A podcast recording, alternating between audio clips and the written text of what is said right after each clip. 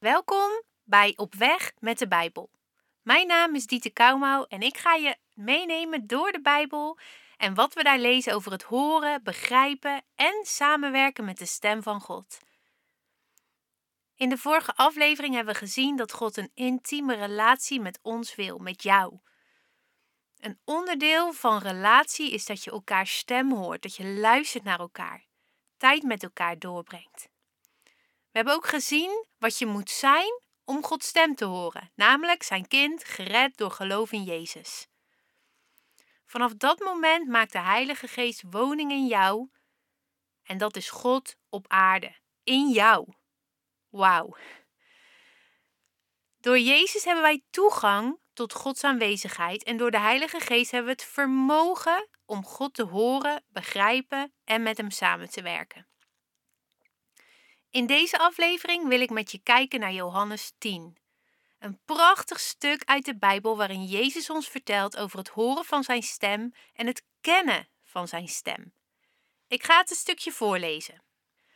Voorwaar, voorwaar, ik, en dat is Jezus, zeg u: wie de schaapskooi niet door de deur binnengaat, maar van elders naar binnen klimt, die is een dief en een rover. Maar wie door de deur naar binnen gaat, die is de herder van de schapen. Voor hem doet de deurwachter open en de schapen horen zijn stem.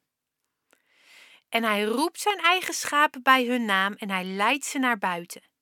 En wanneer hij zijn schapen naar buiten gedreven heeft, gaat hij voor en uit en de schapen volgen hem omdat ze zijn stem kennen. Maar een vreemde zullen zij beslist niet volgen, maar zij zullen van hem wegvluchten, omdat zij de stem van de vreemde niet kennen. Dit is een iets langer Bijbelgedeelte en we lezen hier verschillende dingen in.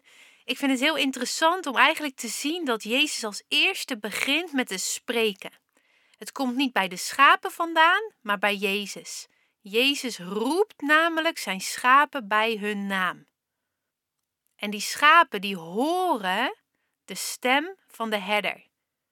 En dat maakt dat ze de keuze maken om hem te volgen, bij hem te komen. En als ze dan bij de herder komen, dan gaat hij ze leiden naar buiten en dan volgen de schapen hem omdat ze zijn stem kennen. Interessant hè? Dus horen en kennen zien we allebei terug in dit gedeelte. Twee verschillende dingen. Het doet me eigenlijk denken aan mijn eigen bekering. Ik was halverwege de twintig dat ik Jezus leerde kennen. Ik was zonder geloof opgegroeid, zonder God, zonder Bijbel. En er was een moment dat ik de stem van Jezus hoorde, persoonlijk. Hij noemde mij als het ware bij mijn naam. Het was misschien niet letterlijk, maar ik hoorde heel duidelijk en persoonlijk zijn stem voor mij. Het was niet algemeen, het kwam heel dichtbij. En omdat ik zijn stem hoorde, wilde ik bij hem zijn. Maakte ik de keuze om, eigenlijk zoals dit Bijbelgedeelte zegt, door de deur binnen te gaan. De deur is Jezus. En me aan te sluiten bij de herder. Vervolgens ging hij mijn leven leiden. En dat was een hele andere richting op dan dat ik op dat moment aan het gaan was. Maar omdat ik zijn stem leerde kennen, ging ik hem ook volgen. Ook al was het zo anders als wat ik verwacht had. In dit Bijbelgedeelte lezen we dus een verschil tussen horen en kennen. Je kan de stem van God dus horen en er niet op ingaan. Dat zien we bijvoorbeeld in het leven van koning Nebukadnezar. God spreekt tegen hem op verschillende manieren door een droom. En het is allemaal best wel heftig ook wat hem te oren komt. En toch kiest hij ervoor om zijn eigen plan te trekken. Nou, later verandert dat. Maar misschien herken je dit ook wel van verhalen van andere mensen. Ik heb pas nog een mooi verhaal gehoord van een BN'er die echt zei: Ik heb een ervaring met God gehad. En toch er niet voor kiezen om je leven aan Hem te geven. Er niet voor kiezen om eigenlijk door de deur naar binnen te gaan. Dus het is mogelijk om de stem van God te horen en Hem te negeren en er niet op in te gaan. Maar wij geloven natuurlijk op het moment dat God spreekt en je persoonlijk bij je naam roept, dat je zo'n verlangen hebt om bij de herder te zijn, dat je hem wil volgen, zodat je zijn stem ook leert kennen. Nou, misschien is dit nog een beetje verwarrend voor je, horen, kennen, hoe zit dat nou allemaal? Wat denk jij nou dat het verschil is tussen het horen van Gods stem en het kennen van Gods stem? Nou, denk er even over na, dan gaan we er heel even tussenuit en kijken we zo naar het antwoord. Ik ben benieuwd wat jij denkt wat het verschil is tussen horen en kennen. Om het antwoord te vinden ben ik gaan zoeken in de grondtekst van deze twee woorden. Vaak vertelt dit namelijk je wat preciezer wat er nou echt staat. Voor het woord horen staat er dit: niet doof zijn, aandacht geven aan, gadeslaan, het vermogen om te horen en leren. En dit gehoor ontstaat in de aanwezigheid van God. Dus in de aanwezigheid van God gaan onze oren open, zodat wij horen wat Hij zeggen wil. Het woord kennen betekent gadeslaan met al je zintuigen. Ontdekken, onderscheiden, opmerken, herkennen, zien, ervaren, inspecteren, bekwaam zijn en het opletten boven iets anders en omarmen boven al het andere. Ik vond dit heel mooi. Dat betekent dus, hier staat dat wanneer wij de stem van God meer en meer leren kennen, dat we die stem gaan omarmen boven iedere andere stem. Nou, als ik daarover nadenk, dan denk ik alleen maar dit. Hoe hard hebben we dit nodig in deze tijd waarin er zoveel stemmen zijn, zoveel geluiden vanuit de media, van social media, van de radio, de tv, van mensen om je heen. Hoe hard hebben we het dan niet nodig om de stem van de herder te kennen boven iedere andere stem? Er staat ook zo mooi dat we de stem van de vreemdeling niet zullen volgen, omdat we zijn stem niet kennen. De vreemdeling is eigenlijk een beeld van de vijand. Misschien herken je dit wel. Kijk, de vijand is altijd een leugenaar. Hij is de, hij is de vader van de leugen. En je herkent het vast wel dat je die leugentjes soms hoort. Je bent te min, je bent het niet waard, God is teleurgesteld op je, zulke soort dingen. Maar er is een verschil ook hier tussen horen en kennen. Dus je kan de stem van de vijand misschien horen, maar je hoeft hem niet te zetten boven iedere andere stem. Je mag hem herkennen, je mag hem onderscheiden en zeggen: hé, hey, ik luister niet naar jou. Jij bent, de, jij bent de stem van de vijand. Ik wil alleen de stem van de herder horen. Eigenlijk een heel mooi beeld wat ons leert naar welke stem we mogen luisteren. Kennen gaat dus een stuk verder dan horen.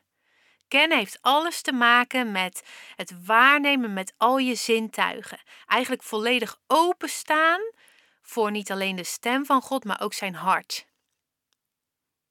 Horen is eigenlijk meer op afstand. Je hoeft er niet per se een relatie of een hartsrelatie voor te hebben. Het kan zelfs zo zijn dat je de persoon niet kent. Net zoals dat je iemand hoort praten op straat. Je hoort hem, maar je kent hem niet. Je kunt hem dus ook negeren. Maar kennen spreekt van relatie, van persoonlijk.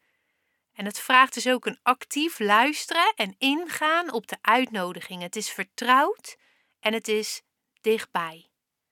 Nou, maakt dat je niet verlangend naar meer van God te horen?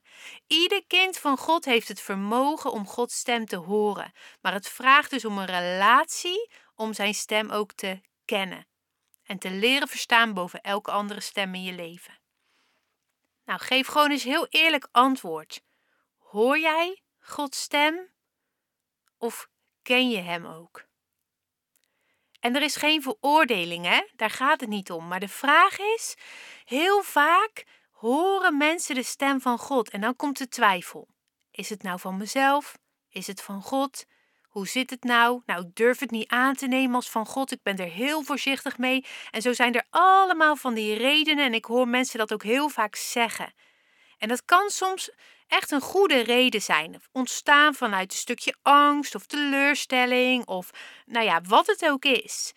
Maar weet je, er is genade voor jou om ernaast te zitten. Er is genade voor jou om te weten dat je rechtvaardig bent. En er is genade om um, Gods stem te leren kennen. Je hoeft het niet allemaal al te weten. Maar het vraagt wel van jou om niet alleen te stoppen bij het horen, maar vervolgens in te gaan op de uitnodiging. Ik hoop dat je begrijpt wat ik bedoel daarmee. Heel veel mensen horen de stem van God en daar stopt het. En als je vraagt, nou, wat zei hij dan of wat bedoelde hij daarmee, kunnen ze dat vaak niet zeggen. Misschien herken je dat wel. Nou, ik geloof dat je gaat zien door deze serie heen hoe je Gods stem kan leren kennen. Dat je niet stopt bij die uitnodiging, maar dat je erop ingaat. Dat je daardoor Gods hart leert kennen voor jouw leven, voor de mensen om jou heen. En dat je ook leert herkennen wanneer je eigenlijk luistert naar een verkeerde stem. En misschien denk je van, nou, ik hoor Gods stem al heel lang en ik weet het allemaal al. Nou, weet je, de vijand blijft altijd dezelfde leugens gebruiken. En ik hoor Gods stem ook al heel lang, maar ik vind het soms heerlijk om opnieuw de waarheid van God te horen over dit onderwerp. En de waarheid wordt niet oud, hè, want het woord is levend, dus het doet elke keer weer iets nieuws. En het licht elke keer weer iets nieuws uit. Soms kan je in een periode zijn van je leven waarin het wat moeilijker is om Gods stem te horen, of wanneer je echt verlangt naar een antwoord van Hem dan is het zo belangrijk om zijn stem te leren kennen en niet alleen te horen. Nou, twijfel dus niet. Stap in wanneer je Gods stem hoort, ook wanneer je twijfelt, en vraag gewoon eens door. Vraag eens: wat wilt u zeggen? Wilt u mij leiden misschien naar een Bijbeltekst hierover? Wilt u datgene wat u gesproken heeft bevestigen? Misschien door een ander persoon, misschien op een andere manier. Maar durf een stapje extra te doen de komende week. Nou, heel veel zegen. Ik zegen jou met oren die open zijn en ogen die open zijn en een hart wat God beter wil leren kennen. Tot volgende week.